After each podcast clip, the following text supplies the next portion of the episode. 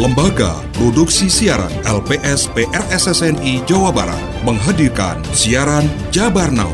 Berita yang dihimpun dari redaksi PRSSNI di Jawa Barat.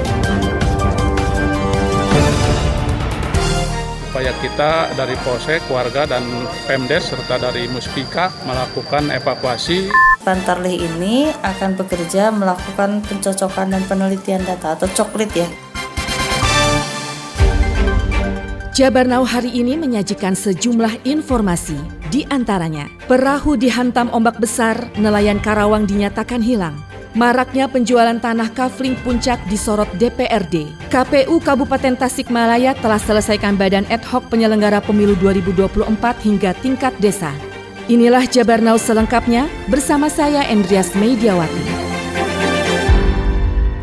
DPRD Kabupaten Bogor soroti banyaknya pengusaha properti yang mengembangkan lahan di wilayah puncak untuk perumahan. Diketahui, hal itu melanggar aturan penataan ruang kawasan Bopuncur dalam Peraturan Presiden Nomor 54 Tahun 2008. Selengkapnya disampaikan PRSSNI Korwil Bogor. Usep Supratman, Ketua Komisi 1 DPRD Kabupaten Bogor, angkat bicara atas berjamurnya lahan kapling di kawasan puncak yang melanggar aturan pemerintah pusat. Ia menjelaskan saat ini banyak pengusaha properti yang tengah melakukan pengembangan lahan di kawasan puncak untuk kepentingan perumahan, sehingga melanggar aturan pemerintah dan peraturan presiden atau Perpres nomor 54 garis miring 2008 tentang penataan ruang kawasan Bopunjur, Bogor, Puncak Cianjur yang belum dicabut. Kamu ngejanjikan ayah bangunan itu ya, salah lah nanti kita sidak lagi lah ya. Selain di puncak, Komisi 1 juga menyoroti menyoroti kawasan kapling di Bogor Timur. Untuk permasalahan lahan kapling di Bogor Timur terpusat di fasilitas pendukung yang wajib ada untuk mendukung terselenggaranya fungsi bangunan atau fasos dan fasilitas umum atau fasum. Timur itu sebenarnya tata ruangnya memungkinkan. Yang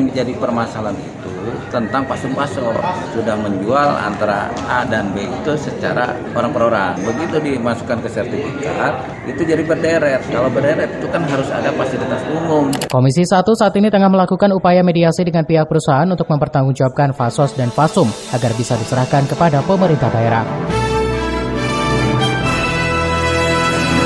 Komisi Pemilihan Umum KPU Kabupaten Tasikmalaya menyatakan pembentukan badan ad hoc penyelenggara pemilu 2024 hingga tingkat desa telah usai dilakukan. Selengkapnya disampaikan PRSSNI Korwil Priangan. Ketua Divisi Sosialisasi dan Sumber Daya Manusia SDM KPU Kabupaten Tasikmalaya Istianah menyatakan kepastian itu didapat menyusul pada 31 Januari lalu telah terbentuk Sekretariat PPS Kabupaten hingga menyelesaikan seleksi panitia pemutakhiran data pemilih yang dilantik 6 Februari. Menurut Istianah, jika tidak ada perubahan jadwal, Pantarli akan bekerja mulai 12 Februari hingga 14 Maret 2023. Panitia pemutakhiran data pemilih sejak tanggal 26 6 yang lalu ya. Tanggal 6 pelantikan Pantarlih ini akan bekerja melakukan pencocokan dan penelitian data atau coklit ya. Kalau tidak berubah tanggalnya mulai 12 Februari sampai dengan 14 Maret. Sementara, terkait kinerja anggota panitia pemungutan suara PPS Pemilu 2024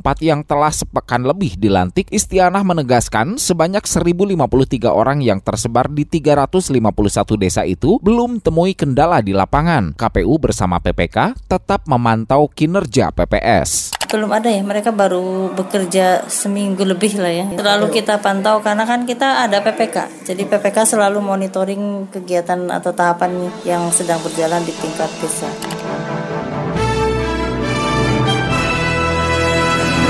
Warga Desa Cikananga, Kecamatan Garawangi, Kabupaten Kuningan, digegerkan penemuan mayat mengapung di aliran Sungai Cisanggarung Senin 6 Februari. Laporan selengkapnya disampaikan PRSSNI Korwil Cirebon. Penemuan mayat tersebut berawal saat warga yang akan berkebun melihat sesosok mayat mengapung di antara bebatuan. Sejumlah warga dan petugas kepolisian berupaya mengevakuasi mayat yang tersangkut di antara bebatuan. Proses evakuasi berjalan dramatis. Pasalnya, tim evakuasi harus melewati aliran sungai yang cukup deras. Menurut Eko Kuswara, perangkat desa Cikananga, mayat tersebut diduga merupakan warga desa Kramat Wangi yang hilang sejak Sabtu 4 Februari 2023. Pagi sekitar jam 7 ya saya kedatangan warga laporan bahwa melihat ada mayat mengapung di sungai. Hal tersebut dibenarkan oleh Kapolsek Garawangi Ibtu Deden. Penemuan mayat tersebut sekitar pukul 07.00 waktu Indonesia Barat. Betul ada penemuan mayat di Sungai Cisanggarung. Upaya kita dari Polsek, warga dan Pemdes serta dari Muspika melakukan evakuasi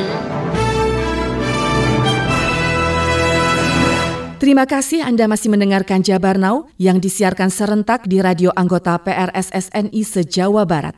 Ketua RT di Desa Cisarua, Kecamatan Nagrak, Kabupaten Sukabumi bernama Heri, ditusuk orang tak dikenal di bagian lengan kiri. Selengkapnya dilaporkan PRSSNI Korwil Sukabumi. Kejadian bermula saat korban terlibat cekcok dan ditusuk dengan sebilah besi karena menegur seorang pria yang sedang memanjat pagar rumah warga. Ini dibenarkan oleh Asep Sudrajat, salah seorang saksi mata. Takutnya yang diduga takut orang gila-gilaan ya, tapi ternyata itu depresi, takut membahayakan soalnya dia bawa besi beton, hanya langsung disergap sama warga. Warga yang melihat kejadian itu langsung menangkap pelaku dan membawa pelaku ke kepolisian. Saat ini pelaku masih diperiksa oleh polisi dan diduga mengalami depresi. Sementara korban harus dirawat intensif di IGD RSUD Sekarwangi Cibadak karena luka tusukan yang dialaminya cukup parah. Sementara polisi masih melakukan pendalaman terhadap kejadian tersebut.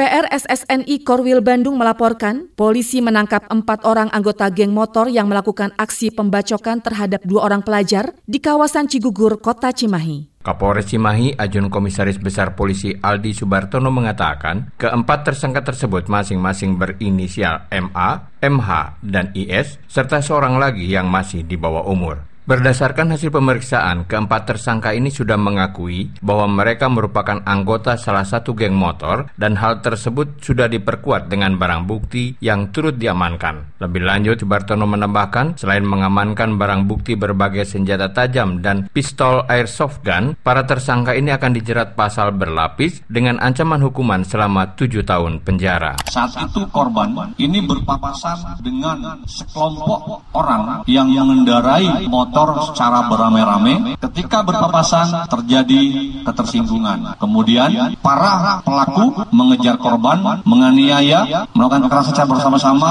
yang mengakibatkan korban luka tusuk di bagian punggung dan luka bagian kepala.